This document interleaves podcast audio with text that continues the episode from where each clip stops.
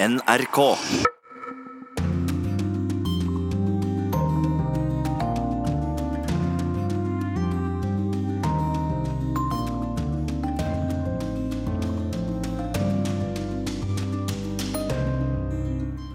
Presset mot Saudi-Arabia øker. En rekke land krever informasjon om skjebnen til denne mannen. He is doing the right things wrong wrong. Han gjør jo det vi krevde ham, men han gjør det på feil måte. Veldig feil måte.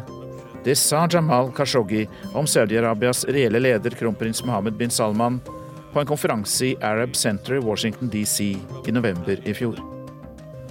Årets fredspris bidrar til at kvinner i Colombia nå snakker åpent ut om omfanget av seksuelle overgrep. Jeg ble voldtatt av fire menn foran mannen min. Kvinnene i Colombia etterlyser nå en colombiansk Dennis Mukwege. Den kongolesiske gynekologen fikk fredsprisen etter å ha behandlet titusenvis av ofre for seksuell vold. Nikki Haley trakk seg som USAs FN-ambassadør. Hun avviser ryktene om at hun vil utfordre Donald Trump i 2020. No, I'm not running for 2020. I can promise you what I'll be doing is campaigning for this one. So Men at Nikki Haley blir borte fra politikken for godt, det er det få som tror. Og vi skal møte sauebønder i Wales som frykter at de må legge ned driften pga. bruddet med EU. So they're going to go. We hold on, sold at 45 bid. Um, AJ 45. På kjøttmarkedet går auksjonen videre mens Storbritannias folk er i Brussel for å forsøke å få til en avtale. Klokken tikker ned til en deadline på toppmøtet neste uke. All down to the politicians, I'm afraid, and uh, that's always worrying when it's down to the politicians. I korrespondentbrevet skal vi til Brasil, der skitten valgkamp med mye netthets er tema. Og vi skal høre at tyrkiske samfunnskritikere raskt blir stemplet som terrorister i podkasten Krig og fred. Vel møtt til Urix på lørdag, jeg heter Dag Bredvei. Hele verden følger drama om den saudiarabiske journalisten Jamal Khashoggi. Han har vært savnet i halvannen uke etter å ha gått inn på Saudi-Arabias konsulat i Istanbul. Kilder i det tyrkiske statsapparatet hevder han trolig ble torturert, drept og partert inne på konsulatet. Saudi-Arabia avviser anklagene. Og vi har besøk her i studio av korrespondent Sissel Wold, og du kom hjem fra Istanbul i går. Og så lenge Saudi-Arabia ikke kommer med bevis for at Khashoggi er i live, begynner vel flere og flere å tro på Tyrkias versjon av historien. Ja, absolutt. Det store spørsmålet er hvorfor saudiaraberne ikke greier å legge frem et eneste bilde av Kasoji. Eh, denne dette konsulatet er jo omringet av veldig mye gjerder, og jeg var der lenge før dette skjedde og la merke til alle gjerdene, alle kameraene. Dette er jo et stort mysterium. Og hvordan de heller ikke har greid på noe annen måte å bevise at han er i live, ikke et bilde. Folk tar jo iPhone-bilder overalt, det er ingenting av han etter at han gikk inn dit. og Tyrkerne lekker jo stadig nye opplysninger. I dag skriver regjeringsorganet Daily Saba om at Kasoji hadde på seg Apple Watch når han gikk inn. Den var eh, satt opp mot eh, begge mobilene hans. Nå undersøker de hva som har havnet på iCloud og i, mobil, eh, i mobillagringen. Eh, det går rykter om, ifølge Daily Saba, at, eh, at Saudi-Araberne slettet noen av disse filene, men tyrkerne, etterretningen, jobber med de andre filene som ikke ble slettet. Du har ferske inntrykk fra Istanbul. og Hvordan vil du beskrive interessen for denne saken blant folk som bor der? Enorm interesse. Det er det absolutt alle snakker om. Det er taxisjåfører, det er folk i butikker, og det er alle rundt omkring. Folk kommer for å ta selfies av seg selv utenfor konsulatet. Så det er jo et stort, stort mysterium, og også en del konspirasjonsteorier. Dette er en nyhet som dekkes over hele verden, så å si, og før vi snakker videre med deg, Sissel, så skal vi høre et innslag her. For det var altså tirsdag i forrige uke Jamal Khashoggi gikk inn på Saudi-Arabias konsulat i Istanbul. Den 59 år gamle journalisten og redaktøren skulle hente dokumenter for å skille seg fra sin saudi-arabiske kone, slik at han kunne gifte seg med sin tyrkiske kjæreste som ventet utenfor. Og ifølge kilder tyrkiske aviser har snakket med, mener tyrkiske myndigheter at Khashoggi ble drept inne i selve konsulatet. Det summer i stemmer. Det er mange utenfor Saudi-Arabias konsulat i Istanbul.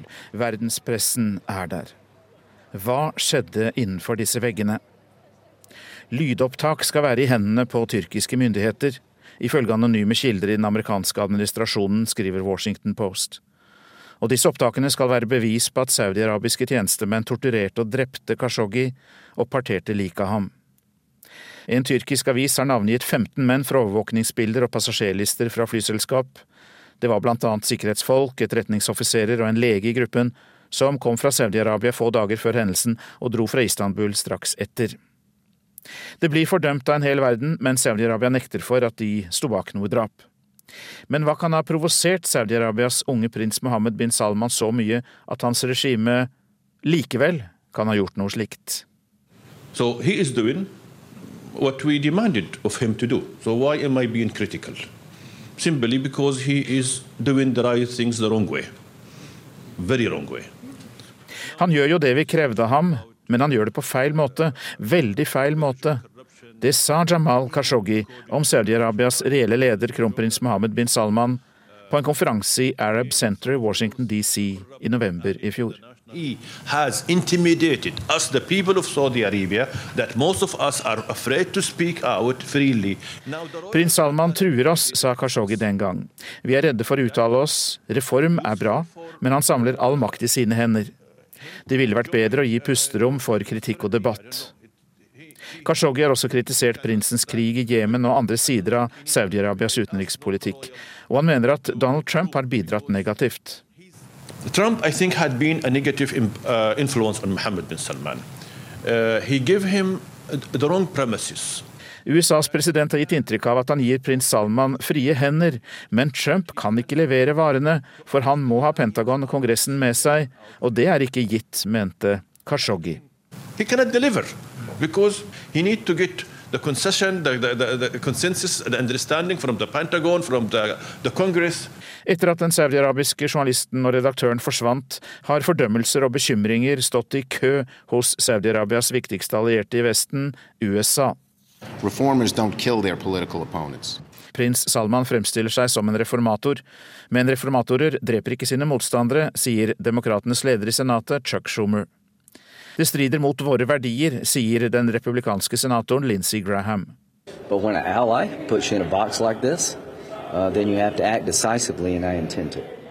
Det setter USA i forlegenhet at en alliert gjør noe slikt, og vi må handle besluttsomt, sier Graham. President Donald Trump har også uttrykt bekymring og krever svar fra Saudi-Arabia, men noen straffetiltak kommer ikke på tale.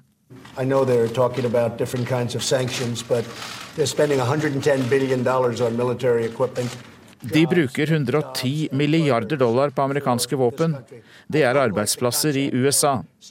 Saudi-Arabia ville kjøpt våpen uansett, kanskje fra Russland eller Kina, sier Trump. You know what they're going to do? They're going to take that money and spend it in Russia or China or someplace else. Øystein Heggen hadde laget denne reportasjen. I går ble det kjent at Saudi-Arabia har sendt en delegasjon til Tyrkia for å diskutere Kashoggi-saken. Men hva kan vi vente oss komme ut av et slikt møte mellom tyrkere og saudiere, Sissel Wold? Ja, det har jo ikke gått veldig bra hittil. fordi foreløpig så har ikke Saudi-Arabia latt eh, de tyrkiske etterforskerne komme inn i konsulatet. Og så er det jo eh, dette mysteriet at eh, det finnes et opptak, tydeligvis. Er dette et opptak som tyrkisk etterretning har fått fordi de overvåker og har plassert mikrofoner inni ambassaden, konsulatet? Det vet vi jo ikke. Og det er kanskje ikke noe tyrkerne har så lyst til å legge på bordet. fordi da vil jo alle andre ambassader og konsulater spørre overvåker dere oss også. Men det er jo tydelig at tyrkerne sitter på noe, ettersom de har vært så klare helt fra dag to og tre etter at han forsvant. Så de sitter på noe, og så lekker de litt og litt? Litt og litt. Så Erdogan spiller jo et veldig interessant spill her, fordi at uh, han setter jo saudierne mer og mer i forlegenhet. fordi for hver dag som går, så sitter jo saudiaraberne mistenkt for et parteringsdrap av verste, mest groteske sort, mens uh, de ikke greier å komme i møte ved å legge frem bevis selv. Saudi-Arabia hevder hardnakket at de ikke har drept Khashoggi. Saudi-Arabia rammes allerede. Mange næringslivsledere trekker seg nå fra en prestisjetung konferanse der. Og har Saudi-Arabia undervurdert den store interessen for forsvinningen, Sissel Wold? Ja, dette er jo veldig interessant, for jeg tror den unge prins eh, Mohammed bin Salman, som bare er 33 år, og som sikkert har hatt lite motgang i livet sitt ettersom han kommer fra et søkkrikt land med olje Vi husker jo da han var på sjarmoffensiv i Vesten i eh, april, hvor alle stilte seg opp i kø for å møte ham. Det var Oprah Winfrey, Zuckerberg, alle ledere eh, ville møte ham. Eh, og han ville jo da eh, eh, samle støtte for dette Visjon 2030, som er hans store plan for Saudi-Arabia. Nå skal han ha dette store arrangementet Davos in the Desert, eh, som du nevnte, og mange har trukket seg. Også CNN, Financial Times, Bloomberg, New York Times Times har trukket seg som sponsorer. En del av dem skulle være med som sponsorer. Ikke minst Richard Branson, denne britiske eh, eh, Hva er det heter for noe? Eh, grunnleggeren. Eh, han har trukket ut også, også eh, investoren. Trukket seg Eh, ut fra Saudi-Arabia. Så dette er jo et enormt prestisjenederlag for den unge prinsen, som trenger vestlig kompetanse, ideer, samarbeid for å bygge sitt nye Saudi-Arabia. Men Sissel Wold, er det ikke et paradoks at det er Tyrkias leder Erdogan som bruker en slik sak for alt det er verdt, mens Tyrkia er et verstingland når det gjelder behandling av eh, journalister? Jo, det har du rett i. for eh, Erdogan har jo aldri eh, vært veldig opptatt av journalisters, ikke kritiske journalisters velvære. Heller ikke Donald Trump, og i alle fall ikke den saudiarabiske kronprinsen. Men dette handler jo om ære. Det handler jo om sannhet. Det handler jo om at noen har tatt seg til rette i Tyrkia og trodde at de kunne slippe unna med det. Og for Erdogan så tror jeg at han nå venter og ser at motstanden mot Saudi-Arabia, kritikken, bygger seg opp, slik at han har backing når han kanskje da legger frem bevisene og starter sitt eh, diplomatiske eh, sterke reaksjoner mot Saudi-Arabia. Man trenger kanskje å ha flere i ryggen for å gå mot denne mektige, mektige sunni-kongedømmet. Tusen takk for at du kom til oss i Urix på lørdag, Sissel Wold. I Colombia var det i fjor flere kvinner og jenter enn på mange år som ble ofre for seksuell vold av væpnede grupper, på tross av fredsavtalen mellom FARC-geriljaen og myndighetene. Nå etterlyser kvinnene en colombiansk Dennis Mukwege, den kongolesiske legen som får fredsprisen for sin innsats for kvinner som er ødelagt av seksuell vold. Inge-Marit Kolstad-Bråten har laget denne reportasjen. Y hay una mujer que se acerca a contarme su relato porque había sido víctima de violencia sexual por parte de varios actores armados. En kvinne fortalte meg at hun hadde blitt seksuelt misbrukt av menn fra flere væpnede grupper. Hun ble voldtatt mens barna ble tvunget til å se på. Det forteller en sterkt preget Ana Melena Gonzales, som er landdirektør for kvinnenettverket Fokus i Colombia. Nå er hun i Oslo for å fortelle om situasjonen i hjemlandet etter fredsavtalen mellom myndighetene og FARC-geriljaen i 2016. Fullastede båter med FARC-soldater kjørte for to år siden fra geriljaens leire i jungelen til såkalte overgangsleire. Den gang var optimismen stor hos mange. Den over 50 år lange krigen var over, og geriljaen la ned våpnene. Men raskt begynte flere væpnede grupper å kjempe om landområdene som FARC tidligere hadde hatt kontroll over, bl.a. i Tomaco-området sørvest i landet ved grensa til Ecuador. Ese control territorial está en manos de eh, algunos, algunas disidencias de las FARC det er dissidenter fra FARC, fra ELN-geriljaen, paramilitære grupper og narkokarteller, bl.a. fra Mexico, sier Gonzales. Tomaco er et av de mest belastede stedene i Colombia, der cocaproduksjonen er størst. I alt 17 væpnede grupper kjemper nå om kontrollen i området. Samtidig har myndighetene sendt nærmere 10 000 soldater dit for å prøve å gjenopprette orden. Situasjonen for kvinner i Tomaco har ikke blitt bedre, men verre etter fredsavtalen, sier Gonzales. I 2017, året etter at fredsavtalen ble underskrevet, ble det på landsbasis registrert flere tilfeller av overgrep enn de siste ti årene. Alle de væpnede gruppene, også militære, anklages for overgrep. Eh,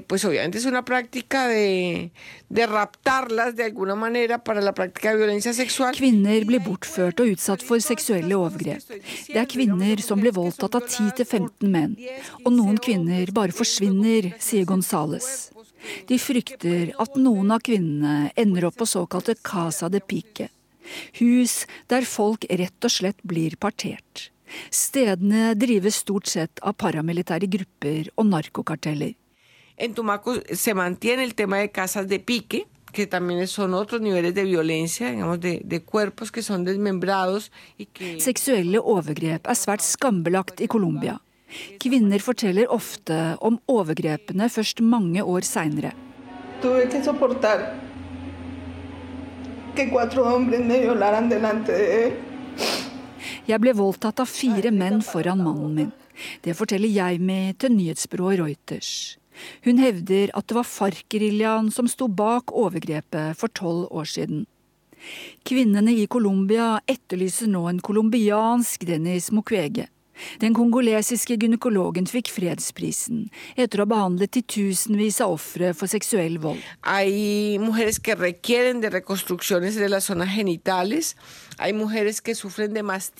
Ana Milena Gonzales forteller om kvinner i Colombia som er så skadet i kjønnsorganer og underliv at de knapt overlever. Hun forteller om kvinner som har fått anoreksia etter å ha blitt tvunget til oralsex av 10-15 menn. Og hun er enig med Mukwege, som kaller seksuell vold et masseødeleggelsesvåpen. La violence sexuelle est une arme de destruction massive. Sí. La violencia sexual acaba con la vida de las mujeres. Ja, seksuell vold ødelegger kvinnene, og det ødelegger livet til dem rundt henne. Kvinnene fortsetter livet pga. barna sine og andre som de har omsorg for. Men de er som levende døde, sier Gonzales.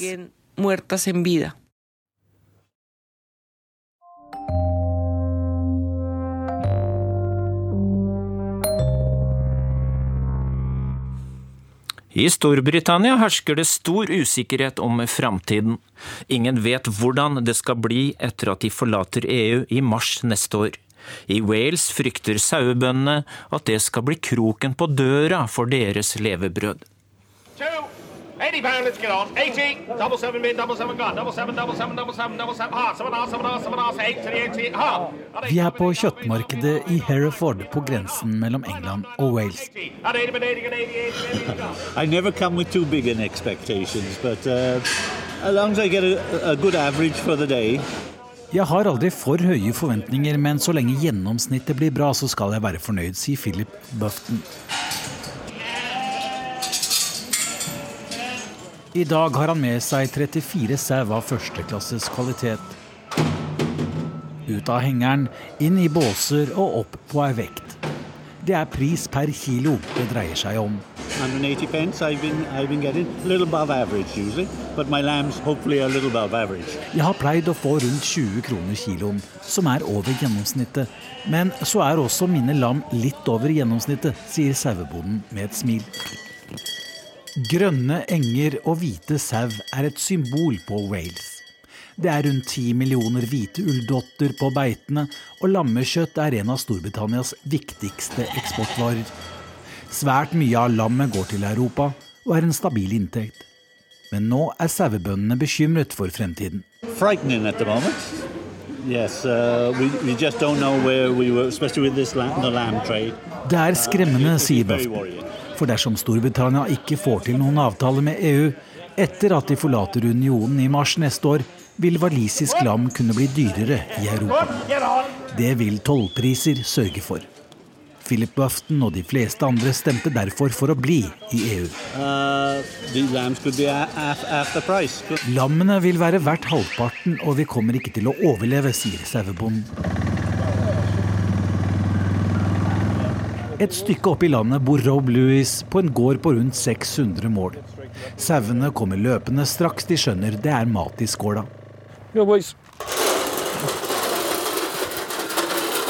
57-åringen er ikke som alle andre sauebønder. Han stemte nemlig for å forlate EU. My father told me many years ago, before we even joined Europe, he made more money out of farming through the 60s and early 70s before we joined the common market as we did in 1973. Faren min sa at det var mer penger å hente på gårdsdrift på 60-tallet, før vi ble med i EU. Så la oss gi det et forsøk. Ellers får jeg bite i det sure eplet, sier Rob Louis. Inne i kårboligen har diskusjonen derimot gått heftig for seg. Robs mor på 88 er nemlig for EU. Yes, well, Jeg har alltid ment at den djevelen du kjenner, alltid er bedre enn den djevelen du ikke kjenner. Vi vet jo hva vi har, men vi vet jo ikke hvordan det skal bli utenfor EU, sier Violet Louise. 43, ha! 43, 4, 44, 44, ha! 44, ha, 5, up, 45, bound, 45, bound, 45, bound, 45, bound, 45, bound, 45, bound, so they're gonna go. We hold on, sold it, 45 bid. AJ, 45. På kjøttmarkedet går auksjonen videre mens Storbritannias folk er i Brussel for å forsøke å få til en avtale. Klokken tikker ned til en deadline på toppmøtet neste uke. All down to the politicians, I'm afraid, and uh, that's always worrying when it's down to the politicians. Nå er det opp til politikerne, og det er alltid foruroligende når det er opp til dem, sier Philip Bufton. 80 bid and gone. BB 80 pound. Øyvind Nyborg, Hereford. Hun var en sørstatsguvernør uten internasjonal erfaring som ble USAs FN-ambassadør, med fast plass i Sikkerhetsrådet. Denne uken overrasket Nikki Haley alle da hun kunngjorde sin avgang fra stillingen som en av president Trumps mest synlige utenrikspolitiske rådgivere. Men få tror at Haley forsvinner fra rampelyset for godt, og nå spekuleres det i hvilken fremtidsplaner hun har. I regret uh, that she is leaving because we had uh, good working and personal relations despite all the differences that we were and are having. Nikki Haley is one of the most talented, most authentic US government officials that I have ever met. Uh, insights. Vel er de FN-ambassadører, men det hørtes ikke ut som om det bare var diplomatisk etikette som fikk dem til å uttale seg slik da nyheten om Nikki Haleys avgang sprakk. Jeg er lei meg for at hun forlater oss, for til tross for våre uenigheter har vi hatt et godt forhold både arbeidsmessig og på det personlige plan, sa russeren. Nikki Haley er en av de mest talentfulle og autentiske amerikanske tjenestemenn jeg noen gang har truffet, sa franskmannen. Hennes kollegialitet, hennes innsikt, driv og ærgjerrighet var det briten satte pris på. Uventet kanskje om hun som leverte sine akkreditiver til FNs generalsekretær den 27. januar 2017, og formidlet straks denne beskjeden til verdensorganisasjonen fra han som hadde flyttet inn i Det hvite hus bare en uke før. For those that don't have our back, we're taking names. We will make points to respond to that accordingly. Vi noterer navnene på dere som ikke støtter oss, og kommer til å svare deretter, sa USAs ambassadør. Nikki Haley, ambassadør til the United Nations, has been Det er etter hvert blitt ganske mange som har gått ut av kretsen rundt Donald Trump. Med en felles pressekonferanse i det ovale kontor viste presidenten at Haleys avgang er helt frivillig. Han ser gjerne at hun kommer tilbake i en annen stilling, til og med. Uh, uh.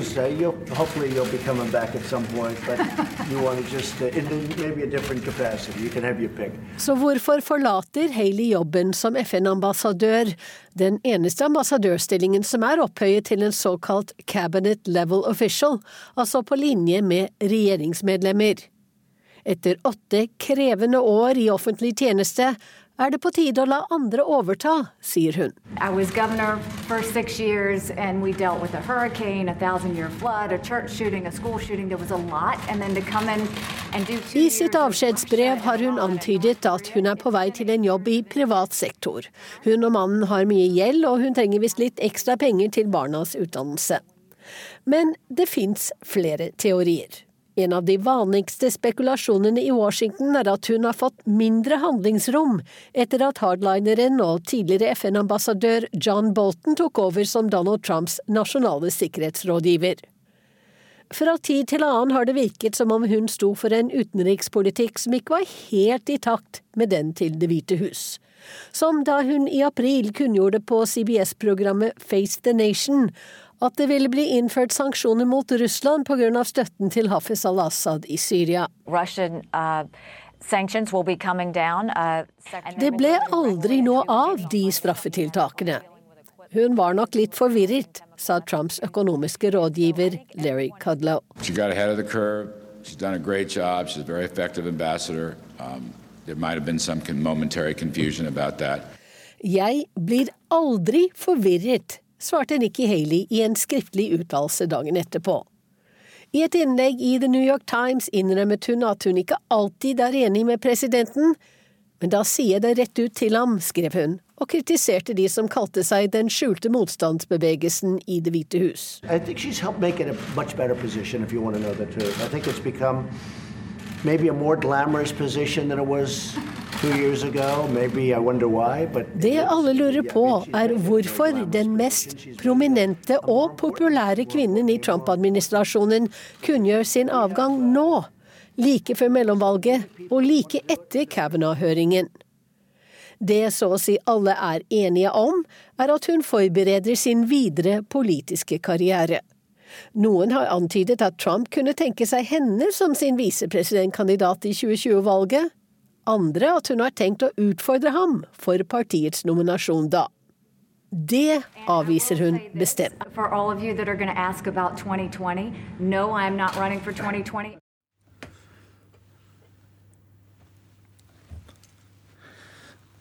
Og reportasjen her var ved Wenche Eriksen. Det er tid for å åpne ukens brev. Det er postlagt i Rio de Janeiro av Arnt Stefansen. Han er opptatt av netthets i valgkampen der. Jeg hører mannen før jeg ser ham. Han har en kraftig stemme, og den bærer ekstra godt fordi han har en mikrofon festet til hodet og en høyttaler på magen. Det er valgkamp her i Brasil, og stor aktivitet på Avenida Atlantica, den brede promenaden som går langs Rio de Janeiros berømte strandområde Copacabana. Vår mann er havnet i krangel med en gjeng aktivister som bærer flagg og roper slagord for sitt parti. Men det blir stille når han avleverer følgende kraftsalve. Våre politikere er tjuver og kjeltringer. Dette kan de alle være enige om. Vi føler oss ødelagt pga. korrupsjon og kriminalitet, forklarer mannen når jeg får ham i tale. Han kaller seg Tom Sideral og stiller i bar overkropp og med elegante solbriller. En fyldig hårmanke gir ham et visst kunstnerisk preg, og det er slik han vil fremstå. Jeg er kunstner, kanskje mest musiker og danser, sier han med en viss stolthet, uten at jeg blir særlig klokere på hva han egentlig driver med. Men han er et slags symbol, et tegn i tiden. Vi kan godt kalle ham Brasils protestvelger anno 2018. Vi er på bunnen av en brønn, sier han dramatisk. Vi er havnet der pga. disse kjeltringene av noen politikere. De har laget sitt eget system for å plyndre landet og folket. De utnytter folks frykt, f.eks. For, for å bli drept av en bala pergida, en kule på avveie, når politi og kriminelle skyter på hverandre. Den frykten lever vi alle med vi som bor i fattige områder, sier protestvelgeren Tom Sideral her i Rio. I fjor ble nærmere 64 000 mennesker drept i voldshandlinger her i Brasil, det høyeste tallet i verden. I tillegg kommer hundretusener av skadde og millioner som lever med frykten for å bli det neste offeret. De menneskelige lidelsene er ubegripelige, og de forklarer en god del av fremgangen for Jair Bolsonaro, den tidligere offiseren og høyrepopulisten som nå fosser frem på en bølge av popularitet, og som er favoritt til å vinne annen valgomgang den 28. oktober og bli Brasils neste president. Det er den mest hatfylte, mest dramatiske og mest spesielle valgkamp i Brasil siden demokratiet ble gjeninnført på midten av 1980-tallet. Tidligere president Lula da Silva fra Arbeidernes parti, PT, ledet på meningsmålingene, men ble nektet å stille til valg fordi han sitter i fengsel etter en korrupsjonsdom. Dermed overtok høyrepopulisten Jair Bolsonaro ledelsen, men han ble knivstukket på et valgmøte og havnet på sykehus. Det har vært en rekke voldsepisoder og grove trusler, og språkbruken har vært uten sidestykke. Ikke overraskende har trollene på sosiale medier preget stemningen, og internett er blitt den viktigste arenaen i valgkampen, noe helt nytt her i Brasil. Facebook og Twitter er store og viktige, som de er i Norge, men aller størst er nå WhatsApp, som brukes av 97 millioner brasilianere, eller 66% av velgerne, mot 58% for Facebook. Men dessverre har populære WhatsApp også de verste brukerne. Grov hets, løgner og falske nyheter florerer, og myndighetene greier på ingen måte å håndtere flommen av anmeldelser og klager. Den groveste hetsen kommer fra tilhengerne til høyrepopulisten Bolsonaro, og den retter seg, naturlig nok, i første rekke mot Arbeidernes parti, PT, og dets ledere. Fernando Haddad, som er venstresidens kandidat, er blitt fremstilt som pedofil, horekunde og blasfemiker, mens hans visepresidentkandidat Manuela Davila er blitt utsatt for en rekke stygge personangrep. Et bilde av henne med tittelen 'Gjør opprør' er blitt manipulert, slik at tittelen lyder 'Jesus var en transvestitt'. Av de mer absurde utfallene mot venstresiden er en påstand på internett om at PT ønsker at barnehagene skal begynne å bruke tåteflasker der smokken har form som det mannlige kjønnsorgan. Men også fra venstresiden kommer det grov hets. Bl.a. hevdes det at knivangrepet mot Bolsonaro var en ren bløff, iscenesatt for å skaffe flere stemmer og mot Bolsonaros visepresidentkandidat Hamilton Moran er det blitt satt ut et svært skadelig rykte i valgkampen at hans parti vil konfiskere folks sparepenger hvis de kommer til makten. Det kanskje aller verste av netthets er likevel angrepene på Brasils minoriteter, blant dem lesbiske, homofile, bifile og transpersoner, forkortet LHBT. Tallet på homofobe angrep mot LHBT-personer her i Brasil har økt dramatisk de siste årene, og i fjor ble 445 av dem drept pga. sin legning. Det høyeste tallet i verden. I en slik stemning er det dramatisk at landets i øyeblikket mest populære politiker kommer med grovt diskriminerende uttalelser om denne gruppen. Jeg vil aldri kunne elsket en homofil sønn. Jeg hadde foretrukket at han døde i en bilulykke, sa Jair Bolsonaro for noen år siden. I en leilighet i bydelen Tijuca i Rio de Janeiro sitter en mann som daglig betaler prisen for slike uttalelser. Den 63 år gamle Eduardo Michels er en mild og tenksom mann med et bekymret blikk bak tykke brilleglass. For et drøyt år siden ble han og hans mannlige samboer mishandlet på det groveste i blokka der de bodde.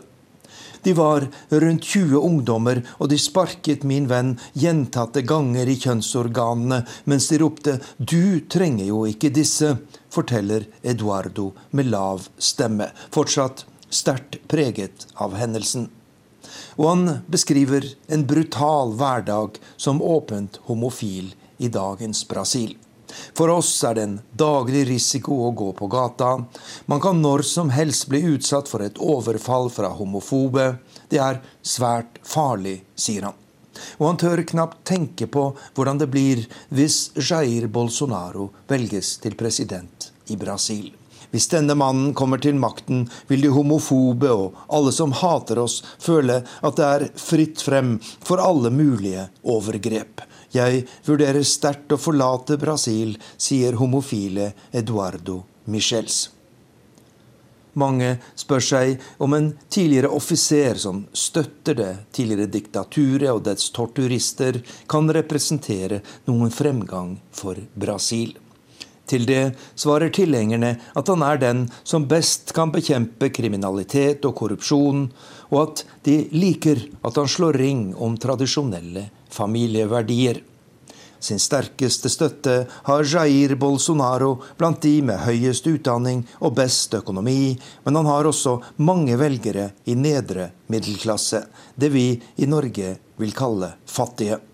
En av dem er Louise, resepsjonist i blokka der jeg bor, en lavmælt og vennlig familiefar som jobber hardt for å kunne gi ungene en best mulig utdanning. Louise har alltid stemt på Arbeidernes parti, har han fortalt meg, men nå satser han på Bolsonaro.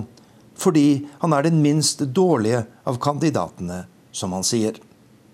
Det er urolige tider her i Brasil, et land med 208 millioner mennesker, der frykt og raseri preger menneskene. Og jeg sliter med en tvil. Er flertallsstyret i Brasil i det lange løp liv laga for et rikt mindretall som mer enn noe annet er opptatt av å sikre sine privilegier. Nå er det tid for ukens podkast fra utenriks. Er du idrettsutøver i verdenstoppen, blir du ofte nasjonalhelt. Men slik er det ikke for basketballspilleren Ines Kanter. Han er stjernespiller i USA, men har mistet statsborgerskapet sitt og er ettersøkt for terrorisme i hjemlandet Tyrkia. Kan president Erdogan kalle hvem som helst for terrorist, spør Tore Moland.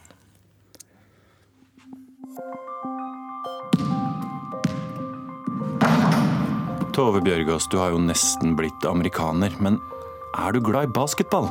Det er klart jeg er det. Men du, da?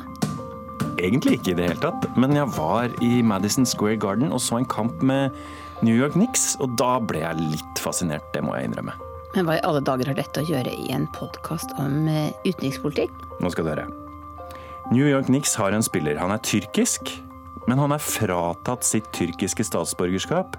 Og han er etterlyst internasjonalt, og han er beskyldt for å være medlem av en terrororganisasjon en terrorist på basketbanen? Hm. Krig og fred. En podkast fra NRK Urix. Cantor slides in and finishes with the right hand. Cantor able to get it over Embiid that time. And Brett Brown will take a timeout. Cantor using the size and finessing it home. That was a big boy play. Now that was physical.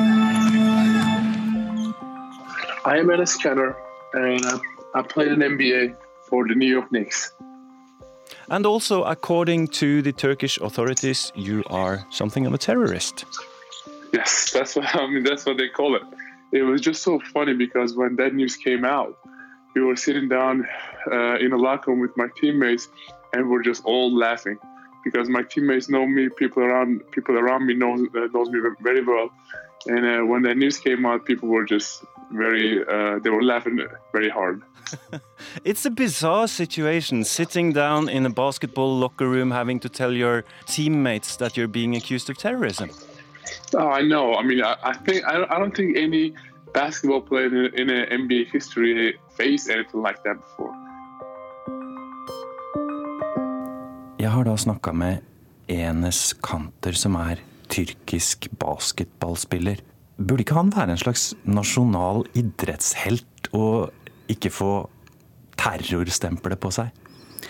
Ja, nei, Det er en, en veldig god spørsmål. Han uh, var sikkert en nasjonal helt før han fikk det terrorstempelet, etter uh, man uh, i Tyrkia begynte å, å se på alle som har hatt en tilknytning til Gulen-bevegelsen under en sånn samlet kategori som terrorister. Men det er klart at eh, det er en veldig vanskelig situasjon for han å være i, i og med at han er tyrker og han er sett på som gulenist og kan ikke tilbake til Tyrkia, kan ikke reise inn igjen. Jeg heter Pinar Tank, og jeg er seniorforsker ved Fredsforskningsinstituttet PRIO. Opprinnelig fra Tyrkia? Opprinnelig fra Tyrkia, ja. Hva er en gulenist, egentlig? Det, spør, det, det, spørs hvem du spør. Eh, eh, for den tyrkiske regjering så er en gulenist alle som kan ha en vag link med Gulen-bevegelsen. Eh, og, og, ofte så blir det brukt for å arrestere opposisjonelle eh, som har kanskje ingen eh, tilknytning til Gulen-bevegelsen, utenom det at de har kanskje hatt en konto i en bank som Gulen-bevegelsen har drevet, eller de har vært mottaker av en avis som Gulen-bevegelsen har publisert. Men en ekte gulenist vil da være noen som har vært, hatt sin utdannelse innenfor Gulen-bevegelsens mange skoler. Og hva er det Gulen-bevegelsen egentlig gjør? Eh, dette er en bevegelse som selv definerer seg selv som en slags uh, islamsk bevegelse som er til stede for utdanning. At de, de vil utdanne et moderne individ som har en, um, en, forståelse av islam som en slags uh, individuell verdi, et norm, uh, og som, kan, uh, som, har en god utdannelse. Ofte så er disse skolene, har disse skolene veldig fokus på naturfag og logikk. Mye av det moderne, samtidig som de har verdiene som islam, islamske verdier. En slags forening av, av troen på vitenskap og troen på religionen, da? eller? Ja, en slags modern måte å se på islam. Og dermed så har de også hatt en veldig stor tiltrekningskraft i Vesten, hvor man har sett på den form for islam som eh, Gulen-bevegelsen forfekter, som en slags moderat islam, som er åpen for dialog med andre eh, religioner, og som er ikke sett på som en, en slags politisk islam, og en islam som vil eh, islamisere staten. Men samtidig, hvis enhver gulenist risikerer nå da å bli anklaga for terror i Tyrkia. Fratar man terrorbegrepet hele dets mening, på en måte? Altså, meningen til eh, terrorbegrepet har lenge i Tyrkia vært omdiskutert. Eh, til og med før Gulen-bevegelsen ble så sterk som det ble, så var eh, kurdere som ville ha sin egen identitet innenfor den tyrkiske stat, de, de ble sett på som terrorister. På 1980-tallet så var det journalister på venstresiden som ble sett på som terrorister. Så det blir ofte brukt for alle som har en opposisjon til den regjerende politiske konstellasjonen. Så terrorist og opposisjonell blir på sett og vis det samme? Det har vært det gjennom tyrkisk moderne historie, ja. Men nå ser vi dette her på en helt annet nivå enn det var før. Nå kan man bli, risikere å bli sett på som terrorist akkurat som en sykdom, sett på som en sykdom sprer seg. Og da blir du også tatt med. Så det er en slags heksejakt, egentlig. Hva gjør det med samfunnet? Det gjør et samfunn hvor folk er redd og paranoid, og hvor selvsensur eh, blir en del av virkeligheten. Eh, så det er en, en slags terrorstat. Bunlar haşhaşi, ne baş ne baş, mezarlık soyguncusu. Bunlarda yalan var, dolan var, takıya var, fitne var, fesat var. Do you still consider yourself Turkish?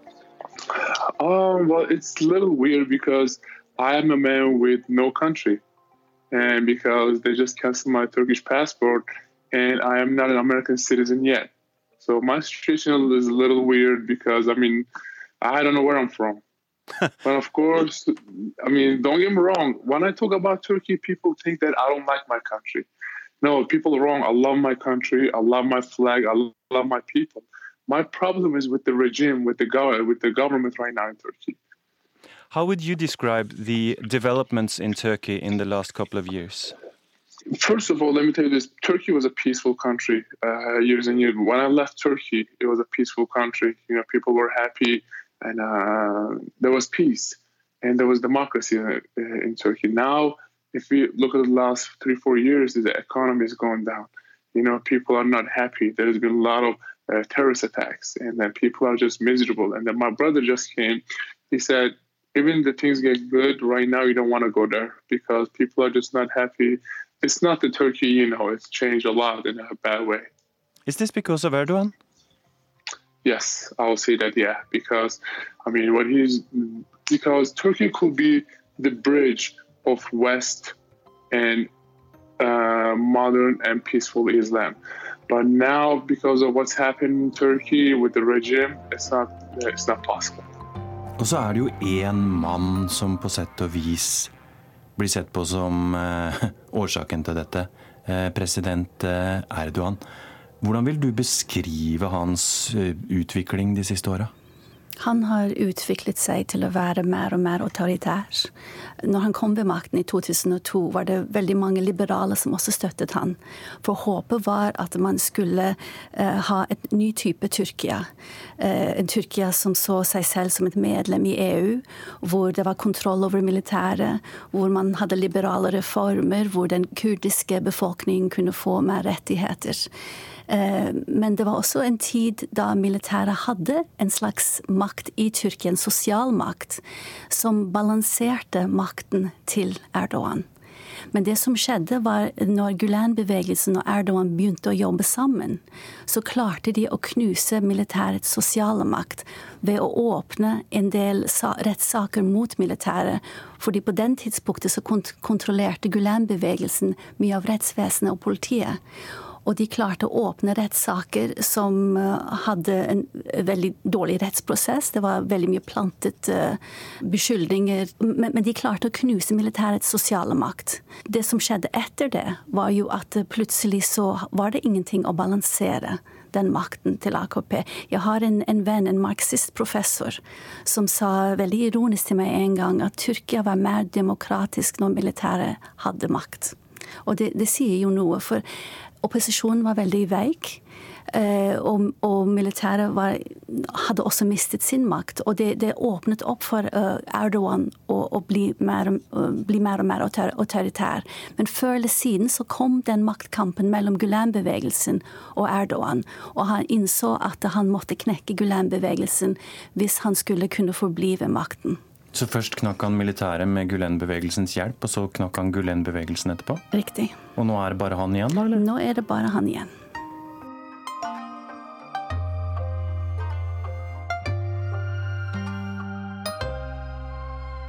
For people like me who believes in a secular democratic country, it's very hard to, to challenge him because he's been using Islam as a as a main ruler. So if you challenge him, that means that you are challenging the, the religion.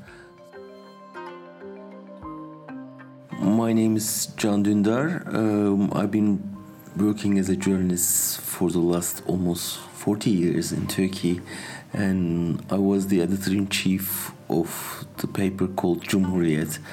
And I stayed for three months in jail in Turkey because of a news story I published. Then I went to Germany as an exile, so I've been living for the last two years in Germany. This is the hopeful part now. We are coming to the end of it, I guess, because this this period is uh, the the last period that he trusts no one else rather than himself and his son in law. And he's all alone. And this is the last period of time we saw in each uh, dictator. In fact, they at the last last stage, they they are alone, and he. You describe him as almost as paranoid by now. Yeah, this is of course paranoia uh, because you know he had a lot of support in the beginning from many different circles. For example, Gülenis or the, his best partner, he smashed Gülenis, and the other religious partners all gone. Liberals has gone, the army is gone, and some close friends who helped him founding the party has gone, and he cleared all the way. And at the end of his paranoia he can only trust his son-in-law and no one else. It's a, it's a very typical story for a dictator. det, er definitivt en regime med paranoide trekk. Hvis man bare tenker den tanken at det er ingen nummer to utnevnt, så skulle det skje noe med Erdogan, så er det veldig vanskelig å se hvem som kan um, ta plassen hans. Og det tror jeg er, eh, bevisst gjort. Og han, han, har jo familien sin i regjering. Han, uh, han, har, han vil holde sine nærme Eh, ved makten. En slags nepotistisk, eh, autoritær regime. Ja.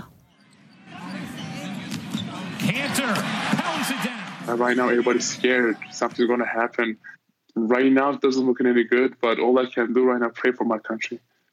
And of course, uh, the reason that you are described as a terrorist by Turkish authorities is that you're a, mm-hmm. a follower of Fethullah Gulen. Yes. What does it mean to be a follower of Fethullah Gulen? Well, first of all, the, what hizmet is, is a Turkish word, means serve. What hizmet is, it's a global social movement focuses on uh, secular education and um, and fighting uh, fighting with poverty, and inspired by a uh, Islamic scholar, Mr. Uh, Fethullah Gulen, and um, who follows uh, Sufi uh, tradition and he inspired millions of people to open uh, to open modern and uh, secular school relief organizations. But um, some people in the West are skeptical of the Gulen movement as well, uh, saying that it's uh, it's religious Islamist uh, movement. What would you say to those people? I mean, I went to this school since second grade. This movement has schools over 170 countries in the world. They are not mosques, they are schools. And not just only Muslim people can go there, you know, Jews can go there, Christians go there, Catholics can go there. You believe in God or you don't believe in God. You still can go to these uh, schools. And what they're trying to uh, teach in these schools is it doesn't matter what your background is. You can. It doesn't matter what your skin color is. One thing I learned from the school is leave your differences on the table and try and find what we have in common we need to make this world better together. And I think that was a key word just got me the together because we it's like a, it's like a team. You know, just uh, we need to just uh, come together and just make this world together. So you say it's a team, so you play for two teams: the New York Knicks and the Fethullah Gulen movement. There you go. There you go. You got it.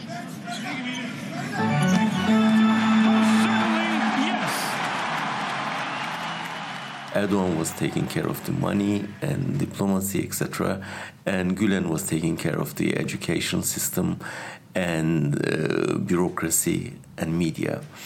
So uh, they invested, the Gülenists invested a lot for education for years, and they invested from the starting from the 70s or 80s, and their generation has come to power as you know as the mayors as the generals as the judges etc so it was very easy for erdogan to run the country thanks to them.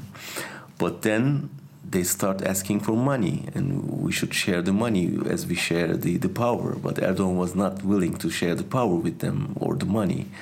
Then uh, when they asked for more erdogan decided to smash them because erdogan had the power now and no need for more support from the Gülenist side. And I guess, um, in a way, Erdogan created a devil as a Frankenstein story, you know, and the devil attacked him uh, to, to kill him. But Erdogan was clever enough to uh, respond back.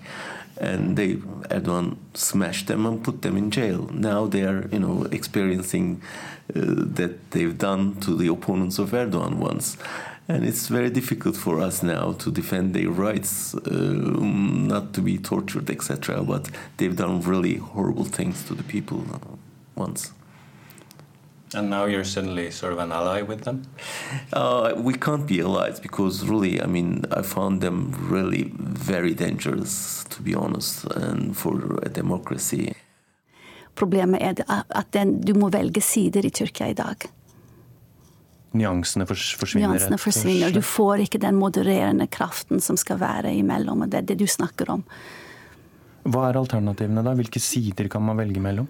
Nei, altså en, en, Dessverre så er det en, et snakk om å velge én side, og der har Jan Dundar valgt sin side, og gulenisten har valgt sitt. Jeg håper og tror at før eller siden vil det komme en slags middle ground eh, som vokser frem, som, som gjør at landet blir mindre polarisert. Men hva hvis tyrkerne ikke er så opptatt av demokrati, da? Hva hvis Erdogan leverer økonomisk vekst i år etter år, og så er folk fornøyd med det?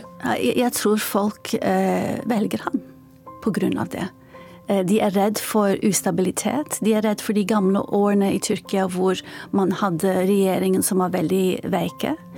Hvis man setter til side den, store spørsmålet om demokrati Tyrkia har utviklet seg i de årene under Erdogan at du kan se det på helt enkle ting som Jernbaneverket, som aldri fungerte på 90-tallet.